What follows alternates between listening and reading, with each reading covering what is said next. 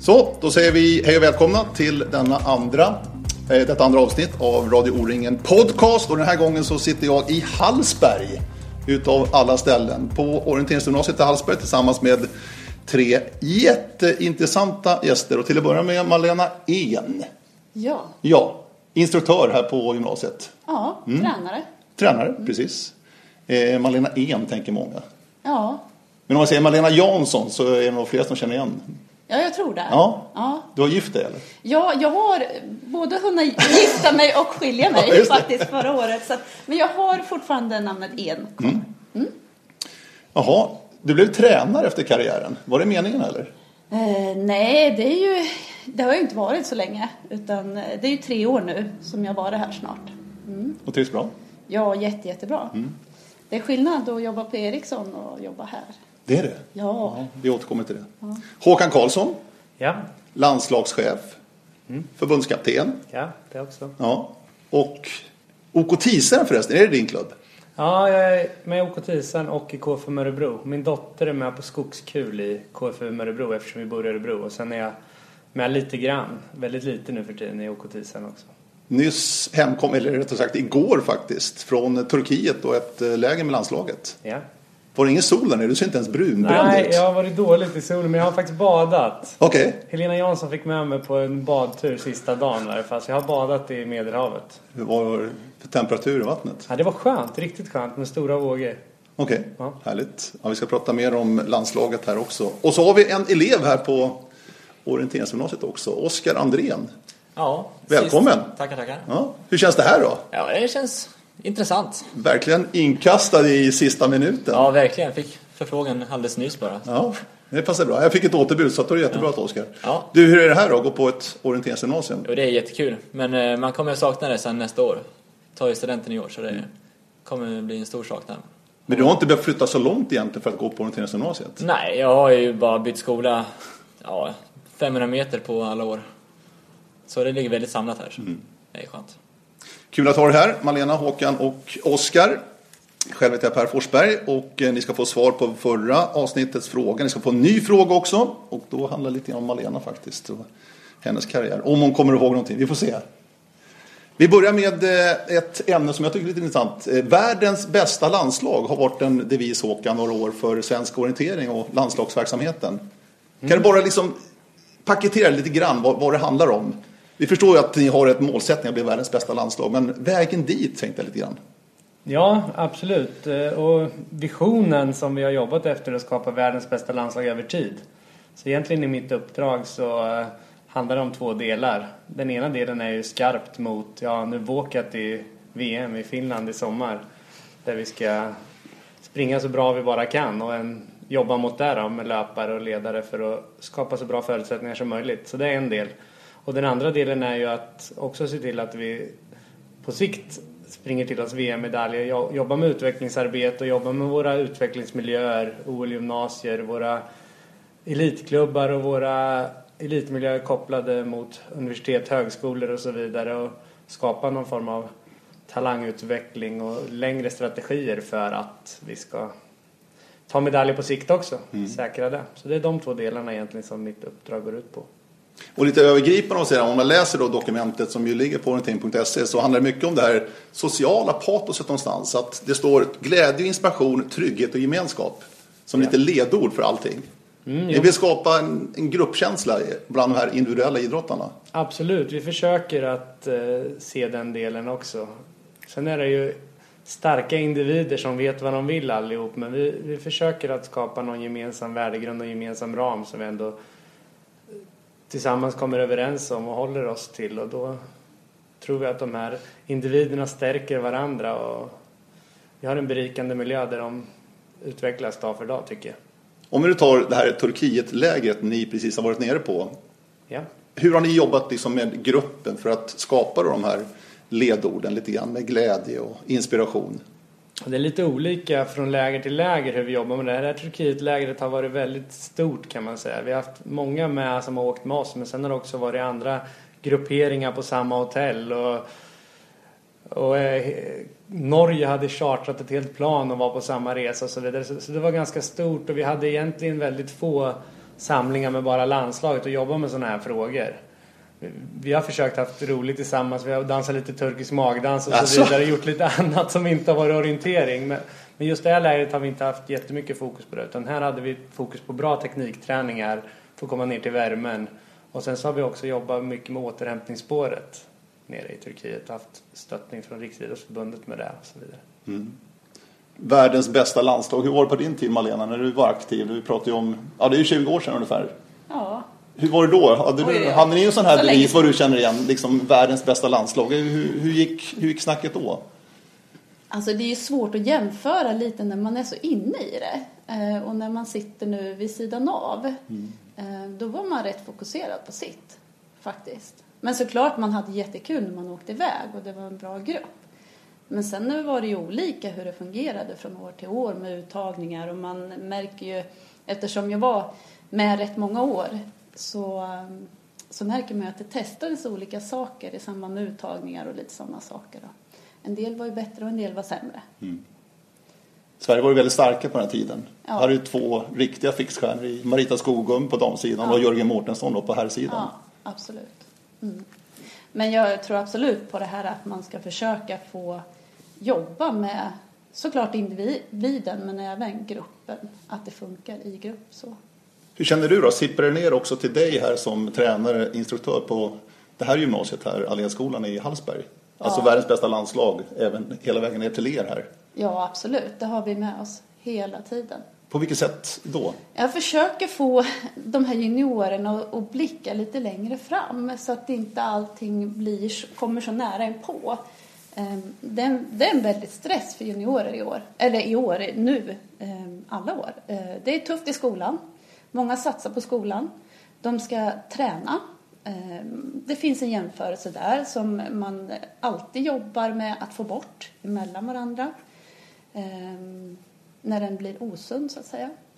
Eh, de ska vara snygga, hänga med i allt som händer och de ska prestera varje helg egentligen.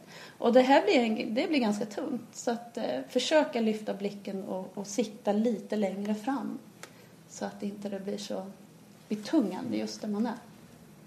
Oskar, du är mitt inne i det här, känner du igen det Malena pratar om? Jo, det gör mig till stor del. Det är ju väldigt, ganska mycket i skolan. Så. Jag är väl en av de som inte satsar så hårt på skolan som jag gör på orienteringen. Så jag har ju alltid haft fokus på orienteringen i första hand. Så har ju skolan kommit lite mer som, som den kommer då. Men det blir ju stressigt och mycket att göra hela tiden så det är ju fullt upp. Men det är ett medvetet val du har gjort. Ja, det är, det är mest för vad som har varit roligast. Så jag har mest tagit fokus på orienteringen för det. Skolan har inte varit lika intressant. Så. Men du, du har ganska lätt i skolan eller? Ja, jo, jag har, har haft den fördelen i livet så det är skönt. Ja, har haft lätt för mig och inte behövt plugga så mycket. Så. Men vad ser du framför dig då rent yrkesmässigt framöver? Vad, vad, vad vill du bli när du blir stor? Ja, det har jag faktiskt ingen aning om. Jag håller på att spana lite på vad man ska ta vägen nästa år och så. så vi får se var, det, var jag hamnar någonstans. Men orienteringsmässigt då? Vad ser du framför dig där? Ja, jag hoppas ju att jag kommer in i världens bästa landslag jag också. Ska ju ner till Italien med landslaget på sprintlägret nu så ser fram emot att komma in lite i det spåret också. Så jag hoppas att jag har en framtid där i landslaget. Du, en, en vecka på ett orienteringsgymnasium. Lite generellt, korta ord. Hur, hur ser den ut för dig Oskar?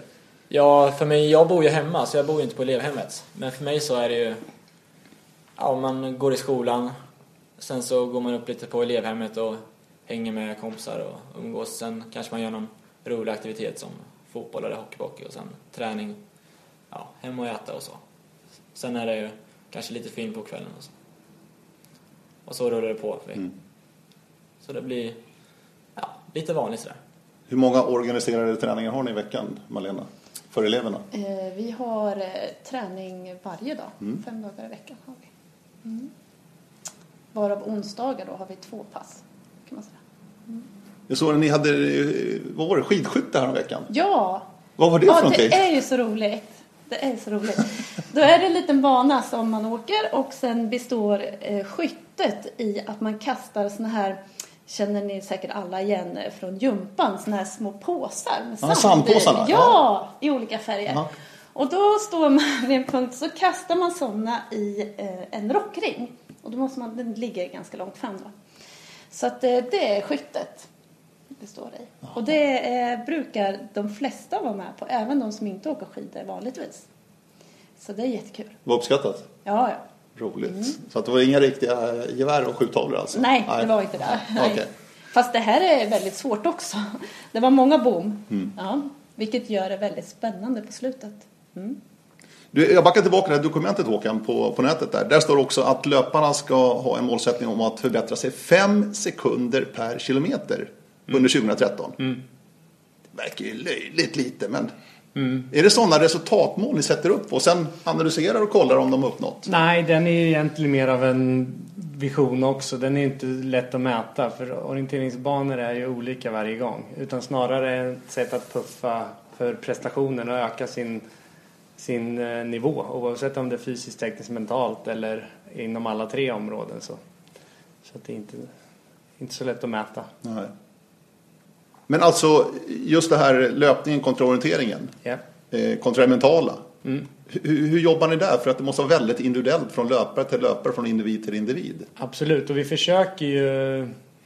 Vi som jobbar som förbundskaptener, Anneli Sussi och jag, har ju någon form av övergripande roll och försöker sitta med varje individ och ja, ta reda på läget. Och vissa har ju kommit väldigt långt och har stödpersoner som hjälper dem både idrottspsykologiskt, eh, fysiskt och tekniskt.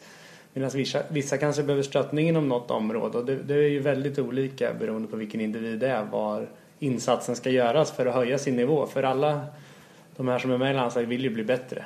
Och så behöver man olika stöttning på olika sätt. Och vi har ju också resurspersoner kopplade till landslaget som hjälper till inom idrottspsykologi, fysiologi och teknik också som kan stötta. Som är med på läger och hjälper till med utvecklingsarbete också för att få in senaste kunskapen som vi sen kan förankra ut till ja, gymnasiemiljöer och klubbar och individer.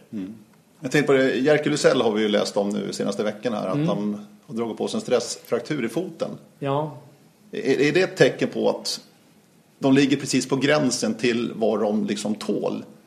Är, är det så man ska tolka det eller?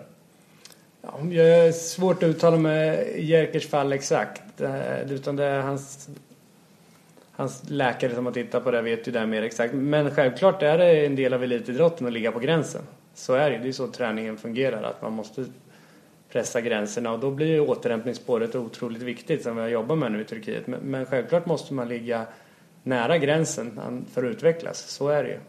Var Jerker med nu i Turkiet? Ja, han var med och han körde stenhårt på cykel och sprang i bassäng och så att han var med absolut och bidrog hela lägret. Kommer säkert tillbaka starkare än vad han var innan. Vad känner du Oskar?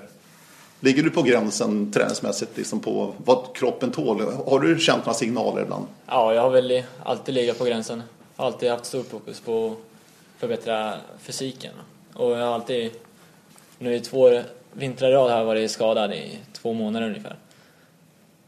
Hade en irritation i knät nu i, i november så jag har, har rehabiliterat nu vintern och nu har jag kommit tillbaka så. Det blir ju så, man ligger på gränsen och vill man mycket så kanske man vill lite för mycket ibland och då blir, blir det för mycket träningar och för hårt. Då. Men vad har du lärt av det här då? Vad jag har lärt mig? Ja. Ja, För någonting måste man ändå lära sig liksom. Man ändå är skadad två vintrar på raken. ja, jag har väl lärt mig lite mer att lägga lite mer fokus på mindre fart och mer på distans och mängdpass istället. För jag har alltid kört mycket fart och intervall och jag tycker det är kul att springa fort. Så jag har alltid haft hög intensiv, intensiv trä- träning som fokus. Men nu har jag kört mer mängdpass och det går bra. Så. Du Malena, får du vara lite handbroms ibland? Känner du det? Ja, rätt ofta faktiskt. Rätt ofta? Ja, rätt ofta. Mm. Om jag gener- generellt alltså. Mm. Okej. Det, ibland känns det som man bara bromsar och bromsar och bromsar. Liksom. Ehm, Men eh, det är ju så. De vill mycket. De vill jättemycket. Ja. Måste ha svårt och, det för, där. och det är jättesvårt och speciellt när man börjar på ett orienteringsgymnasium så har ju alla, alla olika bakgrund. Någon kanske har sprungit bara på spåret och bedriver- sån träning om man inte har, kommer från en liten klubb till exempel. Medan andra kommer att ha haft ganska varierad träning och där måste man verkligen gå in och titta så att man stegrar upp. Det går inte bara att kasta sig in på alla våra träningar fem dagar i veckan här. Utan då får man välja. Men har, har, har ni i viss mån lite individuellt anpassad träning för eleverna? Ja, det har vi ju. Alltså, vi har ju delat upp eleverna så vi är mentor då för vissa. Och då sitter man ju i samtal, ett samtal i månaden ska vi ha då. Mm. Och då tittar man ju på deras träning och, och hjälper dem eh, med det. För det är svårt för dem att ta bort. Eh, vilket ska jag välja liksom? Och då får vi hjälpa till. Idrottsgymnasierna vi har, vi har ju tre stycken riksidrottsgymnasier. Ett skidorientering då i Mora plus då Sandviken och Eksjö. Det här är inget riksidrottsgymnasium Malena, Nej, utan det här är ett, ett NIU. ett NIU. Nationellt mm. idrottsgymnasium. Men ni är så att säga legitimerade och godkända av Orienteringsförbundet. Ja, det är vi. Det är vi, absolut. Vi hoppas ju på att bli ett RIG. Det har vi haft som vision eh, ganska många år nu. Och eh, vi får väl se här. Nu har vi ju gått vidare då. Vi har ju sökt i år eh, till att bli ett RIX ehm, och blivit godkända utav Svenska orienteringsförbundet. Sen ska ju Riksidrottsförbundet säga sitt. Om orienteringen får fler platser överhuvudtaget. Så det vet vi här efter sommaren. Så det är spännande nu. Mm. Du Håkan, hur, hur viktigt är det att komma in på ett orienteringsgymnasium som 15-16-åring redan för att lyckas fullt ut som orienterare? Jag tänker på debatt som varit nu den senaste tiden. Eh, Alpin till exempel, slalom. Dagens Nyheter en väldigt intressant artikelserie om slalomföräldrar som åker inte bara land och rike runt utan Europa runt för att hitta snö till sina ungdomar som inte har kommit in på ett skidgymnasium. Ja. Gymnastiken har ju också varit uppe på tapeten här vintern. Där till och med RF har dragit in stödet till hela gymnastikförbundet. Så hur, hur viktigt är det för en orienterare att ta sig in på ett orienteringsgymnasium till att börja med och, för att lyckas? Det är nog väldigt olika beroende på vilken individ det är.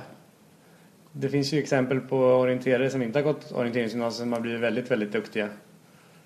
Så att det är nog inte lika viktigt som för en alpinist som behöver snö. Det, så är det nog inte. Jag. Men eh, vi ser ju också att vi har väldigt bra utfall. De som har gått våra riksidrottsgymnasium kontra de som sedan har tagit VM-medaljer så finns det ju ett samband? ett hög samband. Så är det ju absolut. Men det finns ju som sagt också väldigt många som har blivit duktiga på andra sätt. Och våra utländska konkurrenter om man tittar på landslagsnivå, de har inte gått några orienteringsgymnasium utan har blivit väldigt bra. Thierry Chouchou och Mattias Kubirtz och Simone Nigli, de har ju inte gått några orienteringsgymnasier och ändå blivit väldigt duktiga. Så, så det finns väldigt många vägar som... Och i slutändan hänger det på individen och hur mycket drivkraft den har. Och, och sen om man tangerar det vi var inne på nyss, det finns ju en jätteframgångsfaktor i att vara hel och frisk. Så den där gränsen, man måste vara nära den, men om man är, är över den gränsen för mycket så, så är det svårt också. Så det gäller att vara hel och frisk och ha bra drivkraft, tror jag. Hur, hur bra koll har du på landslagsgänget då, herrar och damer? Måste de, typ Wolfgang Pissler och skicka in rapporter varje morgon om vilopulsen när de vaknar och så vidare, eller? Nej, alltså som en, mer en övergripande roll så. Så att jag har eh, inte några pulsfiler på alla, absolut inte. Sen är det en del som använder mig som mer tränare så, och jag kan ge stöd inom fysik, idrottspsykologi eller teknik självklart. Men, men eh, ambitionen är att det ska finnas folk i deras hemmamiljöer som har det ansvaret på daglig basis. För det skulle aldrig jag hinna med att ha. Med den eh, ja, mer övergripande rollen jag har så att säga. När, när bestämde du, Oskar, att du skulle gå på ett orienteringsgymnasium? I alla fall hade ett, ett mål och en förhoppning om att gå. Ja, det har jag väl egentligen haft större delen av livet när jag har orienterat här i Hallsberg. Jag har alltid haft, har alltid varit ett orienteringsgymnasium här nästan, som jag har vetat om och så. Så det har alltid varit, legat nära till hands. Och det har väl alltid varit självklart nästan att jag skulle börja här också. Ligger bra logistiskt och allting så. Ja, jag har alltid haft fokus på, mitt mål var alltid att komma in på här så. Var ganska stor fokus på det. Men du, vad, vad, när ni snackar, det finns ju de i din kompiskrets också som inte går på orienteringsgymnasium. Vad, vad säger de alltså? Hur är deras miljö jämfört med din då, om ni, när ni pratar med varandra? Ja, jag tror att träningsmiljön är väl ungefär ganska likadan ändå. Men det, det kanske är mer, det är mer konkurrens och drivkraft här kan jag tänka mig. Det är många som tränar mycket och hårt och man peppar varandra så. Men det är, så är det ju absolut i alla klubbar också, så det är inte bara här. Men det blir ju en eh, viss sammanhållning när man bor tillsammans och lever väldigt nära in på varandra. Så då blir det ju en stor morot att slå sina nära och kära så att säga. Du Maria måste ha koll på dem också utanför själva skoltiden. Deras fritid tänker jag på. Jag har ju själv gått på ett orienteringsgymnasium Ja, så jag jag vet liksom hur det kan vara. Du frågar ju fel person för Ja. jag var ju den stora tönten. Men i alla fall. Eh, nej men alltså jag tycker det är fantastiska ungdomar och de är motiverade och eh, nej. Det är klart att vi har koll. Mm. Men vi har en dialog hela tiden om vad som händer och vad som sker och det finns en Eftersom vårt kontor är på elevhemmet så sitter vi väldigt nära eleverna och jag tror att det är en fördel. Eh, För vi kommer ganska nära eleverna och ja, vi vi diskuterar alltid. Om det skulle vara någonting som sker efter skoltid, på helger, så vet vi om det. Det mesta i alla fall. Ja, Ja. precis. I princip, ja. ja. Du eh, Malena, du, du har tre VM-guld. Var, var har du medaljerna någonstans? Ja, men alltså, jag har faktiskt ramat in dem och de hänger på väggen hemma. De gör det? Ja. Det tycker jag hedrar dig. Tack! Att du inte säger att de ligger på en låda på vinden. Nej, vad jag gjorde bra. inte det. För, för, vad kan det vara nu då? Mm, fyra år sedan ungefär så gick jag in i väggen totalt. Och då på min väg tillbaka så tänkte jag det har varit ganska svårt att sluta som elitidrottare. Och på min väg tillbaka så tänkte jag att nej, jag måste ju ändå vara stolt någonstans över det här som jag faktiskt har gjort. Så då, ja, så det är inte så länge sedan jag ramade in dem, men då gjorde jag Du faktiskt gjorde det? Ja. Det är lite terapisyfte. och han som gjorde det och hjälpte mig, han tyckte det var jättekul. Ja, Fantastiskt. Ja. Ja, men tre VM-guld, det är grymt. ja.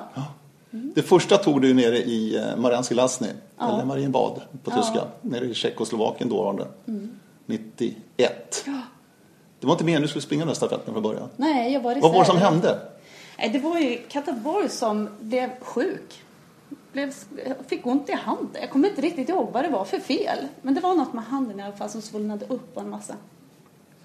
Så dagen innan blev jag inkastad där då, i stafettlaget. Och det var ju hemskt. Ja, jag tänkte, hur kändes Nej, det? det var fruktansvärt. Helt hemskt var det. För du var ju alltså förstaårs senior Ja, 91 då. ja. Nej, jag var, när vi kom till tävlingen, jag var så nervös så jag, jag började nästan grina för minsta lilla. Liksom. Man fick verkligen så här, jobba med, med psyket. Och vi hade ju en hel busslast härifrån klubben då som var nere och tittade och jag kunde inte, ens, jag kunde inte titta på dem åt det hållet. Liksom. Men sen så tog jag det ändå lugnt och metodiskt när jag sprang ut då, så, så fick jag ettan. Och när jag hade fått den, då gick det bra. Då släppte det. För det var, ändå lite, det var ju lite tjejer att luta sig mot i det där laget för att de hade ju varit med ett tag. Ja, ja, det, det var ju väldigt stor skillnad på de som var med i laget på antal år de hade varit med där i toppen. Så var det. Men det måste varit häftigt ändå. Men skrämmande att gå till ledningen sådär bara, åh, hjälp. Ja, men det gick bra. Ja, det var, Sen vann ju du världscupen också. Totalt. 1994. Ja. Det blev årets orienterare också det där året. Mittemellan Skogum och Mårtensson och alla som fick stå på 90-talet. Vad var din styrka som orienterare? eh, ja, alltså, nej, löpningen skulle jag nog vilja påstå. Eller framförallt att orka ta ut mig. Våga ta ut mig. Jag har inte tränat mest, det kan man ju inte säga. Men eh, många gånger har man ju inte orkat sitta ens när man kommer i mål. Och ibland undrar jag liksom hur, hur eh, hittade jag på slutet av banan egentligen? Hur gick det till? För jag kommer inte ihåg något av det. Men det gjorde jag ju onekligen då, så att det var... Jag kunde ta ut mig. Men hur, Och älskade att tävla. inte att träna. Nej.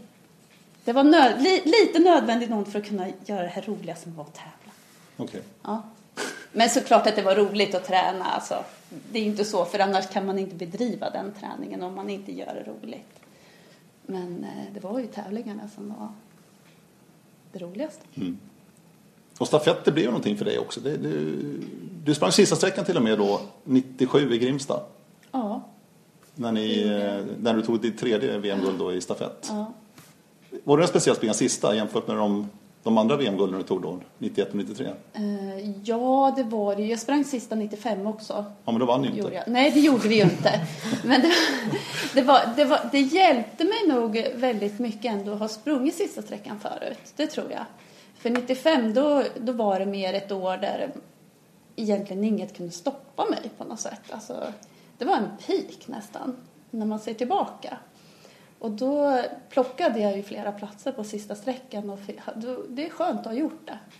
När man är i ett sånt läge som det var i Grimsta. Mm.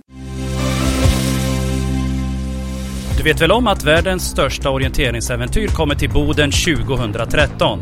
Vi välkomnar orienterare från hela världen och dig som vill prova på en tuff utmaning. Välkommen till O-ringen, Boden 2013. Nu är det dags för det här. Tävlingsdags. Nu tänkte jag, du har ju tagit alltså som vi sa VM-guld i stafett tre gånger. Men du har en individuell VM-medalj också. Så jag tänkte fråga när du tog den. Du får inte svara själv alltså. Utan det är en fråga till er. Ja, precis. Och svaren skickar ni alltså på radio.oringen.se. Radio.oringen.se. När tog, och vilken valör kan jag fråga också. Det var alltså inte guld, var antingen silver eller brons då. Vilket år och vilken distans och vilken medalj tog Malena Jansson på den tiden? Medalj alltså individuellt. Det är frågan. Nu tänkte jag växla spår till eh, O-ringen. Hur viktigt är O-ringen för landslaget? Jag varit inne på det här tidigare att de, de har ju med sig sina avtal nu att de ska springa O-ringen att det är en så pass viktig tävling för eh, svensk orientering. Ja, O-ringen är jätteviktig för landslaget. Och ett perspektiv är ju naturligtvis ekonomin. Och ett landslag kostar ju ett förbund bara pengar. Vi drar inte in några slantar. O-ringen drar in pengar till förbundet. Så det är ju en del. Sen är det ju då vi syns mest också. Så att det är för, både för löparna och för oss som landslag är det ju ett sätt att synas att vara på plats. Sen brukar det alltid vara fantastiska tävlingar, vilket också är jättebra. Sen ligger det ju alltid lite olika i förhållande till VM och det är ju en, en sak som kan ställa till problem för vissa individer och det beror på lite vem det är och vilken motivation man har efter ett VM och vilken uppladdning man har innan ett VM om O-ringen ligger före och så vidare också hur, hur mycket man tål att springa hur många dagar i rad beroende på vilken skadebenägenhet man har och så vidare. Så, så det är lite olika från individ till individ men att den är jätteviktig för svensk orientering och också för landslaget, helt klart. Så är det. Just nu sitter väl löparna, kan jag tänka mig, och tittar på säsongen och planering. Och... Det är ju så att vi orienterare, eller vi som jobbar med det här, vill ju gärna se landslagslöparna så ofta som möjligt på våra tävlingar här hemma. I och med att det ger ändå lite krydda. Hur, hur tänker ni där? Alltså, och vilka direktiv ger ni landslagslöparna att de ska springa här hemma också så mycket som möjligt? Vi försöker se till varje individs bästa. Det är ju liksom det som är grunden. Och de har ju en, tycker det är roligt med O-ringen till exempel om man nu generaliserar på hela, och, och även att visa sig internationellt. Det var ju också observationstävlingar inför VM till exempel på Silva League-tävlingarna nu i vår. Nu har vi terräng som är väldigt lik den som väntar i Finland. Nästa år ska vi till Italien och springa VM och då har vi inte lika lik terräng så att då kanske möjligen att Silva League blir mindre prio för vissa av landslagslöparna, det vet jag inte. Men det, det ser lite olika ut från år till år men det är ju ändå så att eh, internationella programmet blir tuffare och tuffare som jag bedömer det för varje år. Vi springer Nästa år kommer vi springa en världscup både i Turkiet, Spanien och ett EM i Portugal innan vi är inne i april månad. Och sen är det ett Nort innan VM också så att möjligen att vi går mot mer och mer ett internationellt program och ett nationellt. Jag vet inte men vi får väl se. Men, men helt klart att landslaget vill vara med och krydda de här svenska tävlingarna också, självklart. Men det måste vara en balans där för att vi vill ju att de ska ta medaljer på VM och vara som bäst där. Så det är egentligen det som måste få styra. Ja, det vill vi också. Ja. Ja, Att de tar medaljer ja, alltså. ja. Men det, är- det är inte helt enkelt för det är ganska mycket tävlingar. Så. Vi vi återkommer lite grann till uttagningen tänkte jag. Men Oskar, du har också suttit och tittat förmodligen på säsongen. Är du fortfarande den åldern att du vill springa varje helg så mycket som möjligt? Ja, Ja. Jag, jag, jag älskar ju att tävla. Så Ja.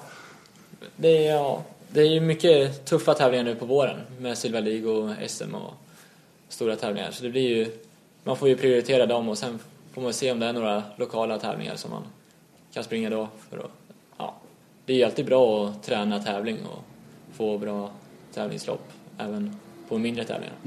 Och jag tycker det är jättekul att komma ut och tävla och jämföra mig med andra och så. så. Det blir kul. Jag ser fram emot eh, våren. Det ska bli kul. Men, eh, Är det någon speciell tävling du ser fram emot extra mycket? Ja, sprint-SM. Sprint-SM? Jag, jag älskar sprint så det, jag ser väldigt mycket fram emot det. Alltså. Hur tacklar du det då? Alltså, I och med att du har det framför dig då, liksom, som mål. Ja, men det blir lite så att jag prioriterar det mer och då lägger jag kanske mindre fokus på de andra tävlingarna. Men jag har ju fortfarande höga... Jag sätter höga mål på mig själv och jag har höga mål på Silver League och alla SM-tävlingar. Så jag hoppas att jag ska springa bra. Men kanske att jag prioriterar bort några tävlingar mer. Så. Sätter, mitt högsta mål är sprint-SM, så är det. Så. Är du bollplank Malena när eleverna och de planerar säsongen och sånt där? Ja, det är vi ju i våra samtal och så. Mm. Nu sitter inte jag med Oskar, Nej, men, nej, men jag det. är ju lite bollplank ändå om, om det behövs. Mm. Absolut. Och tävla, det är väl det alla tycker är roligast, är det inte så? Jo, det är det ju. Visst är det så. Har du några mål den här Alla, de säsongen? flesta i alla fall. Har du några mål den här säsongen? Nej, alltså jag, det, det beror på vad man menar med mål. jaha. Alltså mitt mål är ju att, att träna så att jag kan följa upp en del av våra elever. Mm. Och det har ju varit ett jättebra mål för mig. Så är det. Ehm, Så det, det kan väl bli mitt mål. då. Mm. Och fortsätta med det. Eh, jag tänkte vi skulle ha ett litet skönt O-ringen-minne också, har jag bett er att fundera på. Malena, har du något skönt O-ringen-minne? Eller fem dagar som det hette på den tiden, nu heter det O-ringen. precis. Ja, jag funderade lite på det. Det, det jag tänkte på, det går ju ganska långt tillbaka i tiden när vi pratade om orienteringsgymnasium och så då. Det var ju 86 i Borås. Då var jag ju, eh, det har gått jättebra så eh, jag skulle gå ut först då på sista etappen. Men det var inte så lång tid bak till Karin Wollbrand tror jag det var. Eh, Och jag var så nervös så pappa följde med till start och hoppade över sin tävling sista dagen. Eh, Så var det. Eh, Och sen så kom vi såklart ihop i skogen. Och på slutet, näst sista där, var det ett grönt parti vi var inne och snurrade runt i. Men jag lyckades få den först. Så det var ju häftigt. Och du visste det? Att du var först där? Eh, nej, inte när jag kom ut ur det gröna. Mm. O-ringen var stort då? För Ja. dig också? Ja, det var det. Absolut. Sen var det ju skönt 2001 också när jag inte då blev uttagen till VM. Som jag satsade då. Eh, gjorde ett sista försök egentligen och då fick jag vinna fem dagars istället. Det, var, det var också jätte, jättehärligt. Mm. Ja, det förstår jag. Håkan, har du något speciellt O-ringen-minne? Ja, många. Absolut. Ja. Men jag plockar nog fram 2008 Sälen och när det var den här eh, världscupsprinten i Högfjällshotellet var det va? Det var en häftig upplevelse att stå och titta på, Ja. på världslöparna där och det var så mycket folk och det var bra, ja, bra väder här för mig också. Ja, var. jättefin kväll var det ju alltså. Ja. Just den här utsikten man hade på. Ja, och man såg Såg dem löparna. mycket. Ja, det var orienteringspropaganda Ja. och kul att stå och följa. Och det var en här häftig grej måste jag säga. Där, där vi som åskådare såg kontrollen fast inte löparna gjorde det. Och det, det är rätt häftigt att vi vet mer än vad löparna vet. Och då, då kan det bli riktigt roligt. Ja, det var en bra sprint. Ja, det tycker jag var kul. Ja. Eh, tänkte ta bara en sprintgrej som jag har tänkt på. Eh, framförallt sen Nya Zeeland. Och nu tog Jonas Karlsson upp den också på Sveriges Television här i samband med sprinten längdåknings eh, nere i Val di Fiemme. Att de blir bara längre och längre. Även på orienteringssidan, precis som på skidsidan. Alltså Tove vann på tiden 1932 Ja. där nere i Nya Zeeland. ja. Det är alldeles för långt, tycker jag. Ja. Vad tycker du? Jo, och det var ju alldeles för långt. Riktlinjerna är ju inte sådana. Nej, 12 till 15 minuter säger den ganska grovhugget va? Men det här är ju nästan 20 minuter. Ja, jo, men det var ju för långt. Då det, Men varför blir det så?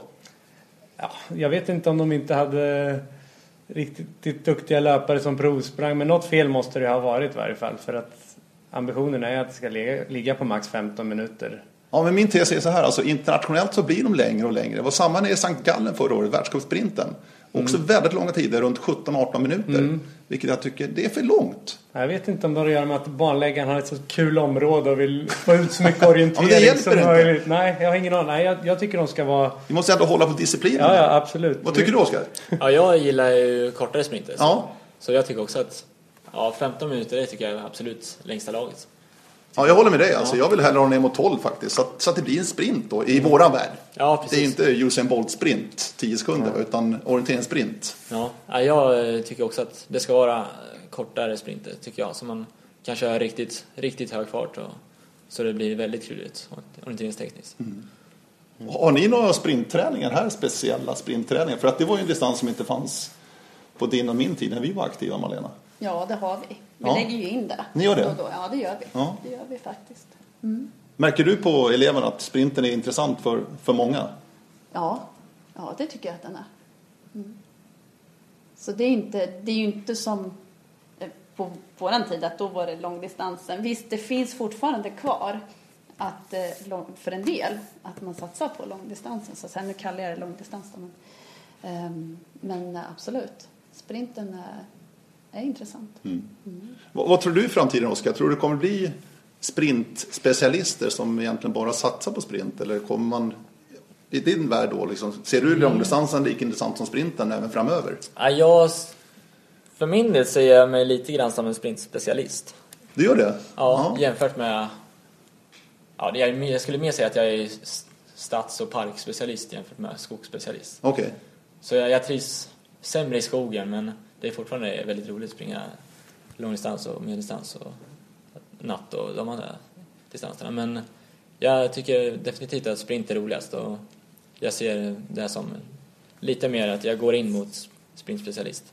Som jag hoppas fortfarande att jag kommer att hålla hög klass i långdistans och alla andra klasser också. Men har du en träning då som liksom inriktas också mer på sprint? Ja, du var inne för sig på fartpass och Ja. intervallpass och det här. Jo, det blir lite grann så blir det att jag styr min träning mot att jag ska vara snabb och jag har väldigt höga mål på att ha bra tider på 3000 och 5000 meter. Men det blir ju också att man ska försöka blanda det med att hålla uthålligheten också då. Men det blir lite mer att jag, jag har nog som mål att vara lite snabbare än de andra på kortare distanser. Än vad vissa andra personer har på, ja, här på orienteringsgymnasiet så. Vad var eh, landslagsgruppen här, herrar och damer, har, har de ambitionen att lyckas på allt?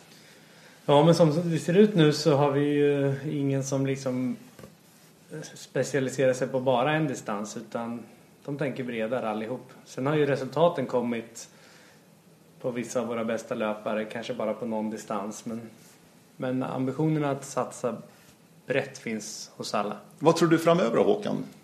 Alltså ser du att det kommer bli... På skidsidan är det ju ändå hyggligt tydligt Mm. att det, det finns ändå de som åker i princip bara sprint och lyckas bara i sprint. Ja, men det är ju också, man åker om två, tre minuter Ja. Och vi, som sagt, våra sprinter Ja. blir längre. är ju 12-15 minuter så det är inte... Det är en lite skillnad där tror jag. Som man, och är man bra på sprint så är man bra på de andra distanserna och tvärtom också som det är nu. Och hur det blir framåt, ja, svårt att säga. Det skulle vara häftigt att se om... Det, det krävs nog kanske att någon specialiserar sig hela vägen ut och blir överlägsen så att fler måste hänga på.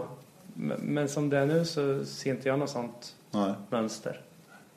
Vi- ni, ni kom ju också i den här, inför VM då när ni plockade ut 7 plus 7. 7 herrar och 7 damer. Ja. Man ska sprida ut på de här distanserna. Ja, Har du råd att plocka med då någon som kanske bara kan springa sprint eller bara egentligen passar för långdistans? Ja, det beror ju helt på hur, vad vi tror helt enkelt när vi plockar ut laget, Anneli och jag. För vi ska försöka ta så många medaljer som möjligt och det är det som styr. Och är det då att vi tror att vi har tre chanser på sprint och två på lång, då plockar vi ut där först och så, sen så får vi fylla på helt enkelt. Och sen är det ju också så att programmet är sånt att det går långdistans och sprint dagarna efter varandra och det påverkar ju också att den dubblingen blir väldigt svår att göra eftersom det då blir tre tuffa tävlingsdagar i rad. Så, så det är väldigt komplext och, och beror på hur säsongen har varit och hur de löpare som har tagit medaljer tidigare år, om de är i samma fas, om de har ett steg före i. Så, så det är jättekomplext att lägga det pusslet, absolut. Men det kan ju absolut bli så att det blir en löpare som är andra eller tredje gubbe på en distans i Sverige som inte får åka till VM för att vi har bedömt att vi har större medaljchanser på andra distanser. Då. Så är det ju, när reglerna är som de är. Men det där är ju intressant. Plocka ut de här sista löparna när det står kanske mellan två, tre stycken och en får åka. Hur hanterar du de situationerna? Bra tror jag. Ja, Nej, men eh, ambitiöst och så mycket fakta det bara går och sen i slutändan när det bara bestämmer så vara nöjd med sitt val. Det är som i alla situationer. Man, Magkänsla. man måste välja och då är det bara att göra så gott man kan och se till att, att vi har gjort så mycket vi bara kan i att inhämta information och, och sen är det bara att välja och stå för det. Men det är tuffa beslut. Ja, det är det ju självklart och det, det går ju att vrida och vända på sånt här och från vissa perspektiv kanske det inte blir rättvist fullt ut utifrån vad någon annan tycker men det är inte vår uppgift att ta ut ett rättvist lag heller utan vi ska ta ut det lag vi tror på som tar mest medaljer på ett VM. Så att det är vårt jobb och det har vi betalt för att göra så att det får vi stå för. Det, men det är inte kul såklart. Framförallt att ge negativa besked till någon som har satsat jättehårt på ett VM. Det är inte kul uppgift, arbetsuppgift. Det finns roligare saker att göra. Ja, det förstår jag. Ja. Så är det. Jaha, eh, ska vi börja runda av här? Vad ska du göra resten av dagen idag Malena? Resten av dagen idag, ja, läsa lite träningsmail och lite träningsdagböcker och så. Träningsmail? Ja, precis. De skickar in till dig eller? Ja, Jaha, mm, så jag har lite koll på hur det har gått och så där, och hur de har det. Och, härligt. ja, Det är lite vår ute nästan. ja. Det är sådär så att snön börjar tina. Börjar du känna dig rycka i benen eller Oskar? Ja, jag var ju också i Turkiet förra veckan. Ja, så- du åkte till Turkiet, vad Ja, trevligt. så jag är väl mest deprimerad nu när jag kom tillbaka till snön. Så, Första tävlingen för dig idag, har du, har du koll på den? Här hemma i Sverige? Ingen aning faktiskt. Det, så, det har jag inte blickat fram emot. Det är långt kvar. Ja, det är en bit kvar faktiskt. Men det börjar närma sig så det gäller ju att fortsätta träna på så. Och då har du håltimme nu. Ja, precis. Så nu ska jag snart iväg på Ja. sista lektionen. Så. Perfekt. Och Håkan, landslaget, näst, nu har du varit i Turkiet en vecka. Vad är nästa aktivitet för landslagslöparna? Många kommer åka med på ett sprintläger, bland annat Oskar här då.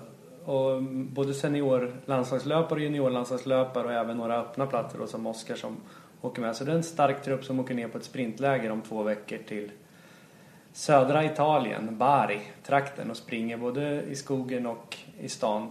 Olika träningar, ett bra läger. Då. Så det är nästa aktivitet. Sen har vi också ett läger i Strömstad inför VM 2016. Börjar upptrappningen där i slutet av mars. Och sen nästa grej som jag själv ska åka på är ett långdistansfokusläger kan man säga i Hökensås i april, 8-11 april. Så då har vi seniorlandslaget på plats hela gänget och kommer satsa mot långdistansen i Finland kommer fokus vara på det lägret. Jag såg att de hade eh, släppt nu avlysning inför eh, Sverige-VM 2016. Har du varit inne och kollat eller? Absolut, Jag den förstår har jag kollat. Det, Var det som väntat eller? Ja, men det var som väntat, absolut. Det fanns ju med på någon folder när de var kandidat för något år sedan så jag hade koll på avlysningarna redan. Ja, men det blir bra. Vi kommer träna precis på kartorna angränsande nu när vi ska dit i mars. Så att, ja, det ska bli häftigt med VM på hemmaplan. Det blir någon form av, inte slutmål kanske, men ändå så att jag ser fram dit. Hela Strömstad var avlyst. Ja, precis. Men man fick ju gå och shoppa och turista. Ja. Att, Utan karta i handen. ja, utan karta. Det är så vanligt när det går i storstäder. Mm. Är det där någonting du ser fram emot Oskar? VM i Ja. Sverige 2016, eller för tidigt? Ja, jag, vet inte. Jag hoppas att man kanske ska i alla fall utmana dem och ta en plats. Det blir såklart ett stort långsiktigt mål. Absolut blir det. Häftigt också att det är på hemmaplan så det blir extra stort då. Att man vill komma med dit. Blir det någon träning idag? Ja, ja, absolut. Jag ska hålla i styrkegympa ikväll. Så. så jag får ladda inför det. alltså. Så. Underbart. Tack snälla för att ni eh, tog er tid. Kul att vara här på Alléskolan i Hallsberg alltså, orienteringsgymnasiet. Malena En, Ja, ha en eh, skön fortsättning på dagen. ja tack. Håkan Karlsson Detsamma. också och Oskar Andrén. Jättekul. Och eh, häng med oss också på Twitter. Eh, att radio understreck O-ringen så hörs vi om ett par veckor igen. Får se vart vi dyker upp någonstans. Men någonstans blir det. Ha en fortsatt skön dag. Hej då.